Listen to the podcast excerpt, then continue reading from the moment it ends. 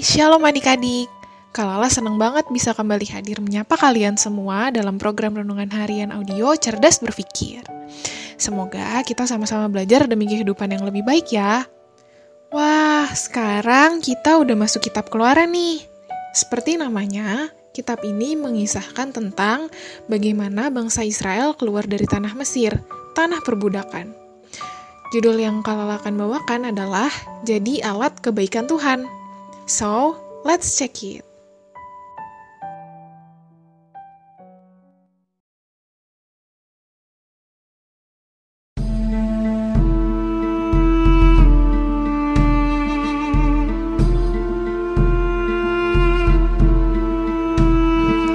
Lama waktu telah berlalu sejak Yakub dan keluarganya pindah ke Mesir dan tinggal di tanah Goshen. Kemudian meninggallah Yusuf dan saudara-saudaranya serta semua orang yang seangkatan dengannya. Jumlah orang Israel pun makin bertambah dari yang tadinya hanya 70 jiwa, kini menjadi suatu bangsa. Kemudian naik tahtalah Raja Mesir yang baru, yang gak mengetahui jasa-jasa Yusuf. Raja itu bilang gini kira-kira kepada rakyatnya dalam keluaran 1 ayat 10.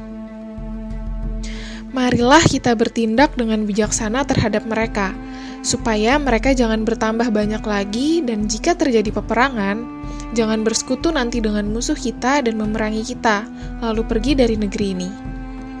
Kemudian, orang Israel mengalami kerja paksa untuk membangun kota-kota perbekalan. Tapi, semakin ditindas, orang Israel malah makin bertambah. Oleh karena itu, orang Mesir makin menindas mereka dengan kejam. Bukan hanya itu aja tindakan kejam yang dilakukan orang Mesir kepada orang Israel. Ada satu tindakan kejam lagi yang dilakukan Firaun. Dia ingin semakin mengurangi kemungkinan untuk bangsa Israel makin bertambah. Dia bilang gini kepada Sifra dan Pua, bidan yang membantu perempuan Israel melahirkan. Apabila kamu menolong perempuan Ibrani pada waktu bersalin, kamu harus memperhatikan waktu anak itu lahir. Jika anak laki-laki, kamu harus membunuhnya, tapi jika anak perempuan, bolehlah ia hidup. Kejam banget ya Firaun. Kalau udah gini, orang Israel kan makin ditindas.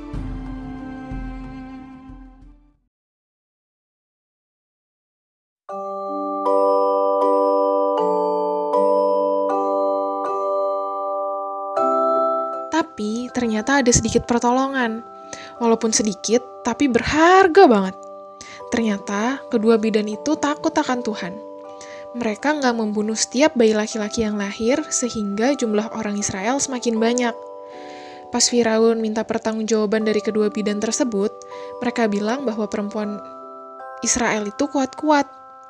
Sebelum mereka tiba, mereka udah melahirkan duluan. Hmm, bagi orang Israel, ini tuh kayak pertolongan yang luar biasa banget. Dan mungkin bagi orang Israel, kedua bidan tersebut telah menjadi alat kebaikan Tuhan. Walaupun kelihatannya kecil, tapi bisa jadi itu sangat membantu.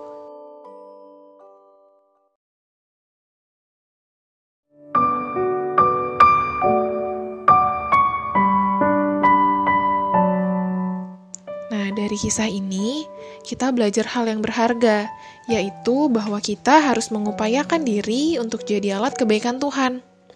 Caranya, ya dengan melakukan sesuatu yang kita pikir itu baik.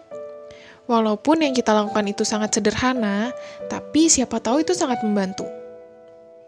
Memang sih, kita nggak akan pernah bisa membuat semua orang bahagia.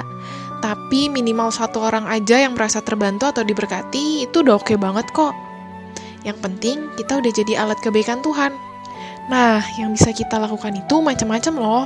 Bisa nge-share ayat firman Tuhan, kutipan kata-kata mutiara, renungan harian audio ini juga bisa. Atau bisa juga dengan memberikan pertolongan kecil kayak hmm, bantu mama cuci piring dan yang lainnya. Oh iya, bagi pendengar yang bisa donor darah boleh juga tuh. Soalnya siapa tahu aja darah yang kita donor bisa membantu orang yang membutuhkan. Ya kan? Nah, adik-adik, segitu aja nih yang Kalala bisa sampaikan. So, yuk kita belajar jadi alat kebaikan Tuhan, oke? Okay? Hmm, berdoa yuk. Tuhan Yesus, terima kasih untuk renungan yang sudah kami dengar. Seperti kami belajar dari kisah Sifra dan Pua yang melakukan kebaikan bagi perempuan bangsa Israel, kami juga ingin agar kami bisa menjadi alat kebaikan-Mu ya Tuhan.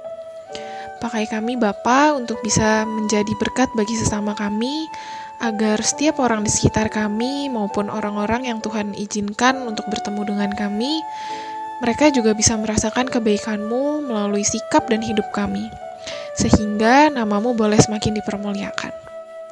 Terima kasih Tuhan Yesus. Haleluya. Amin.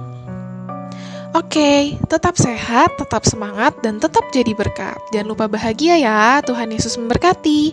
Dadah.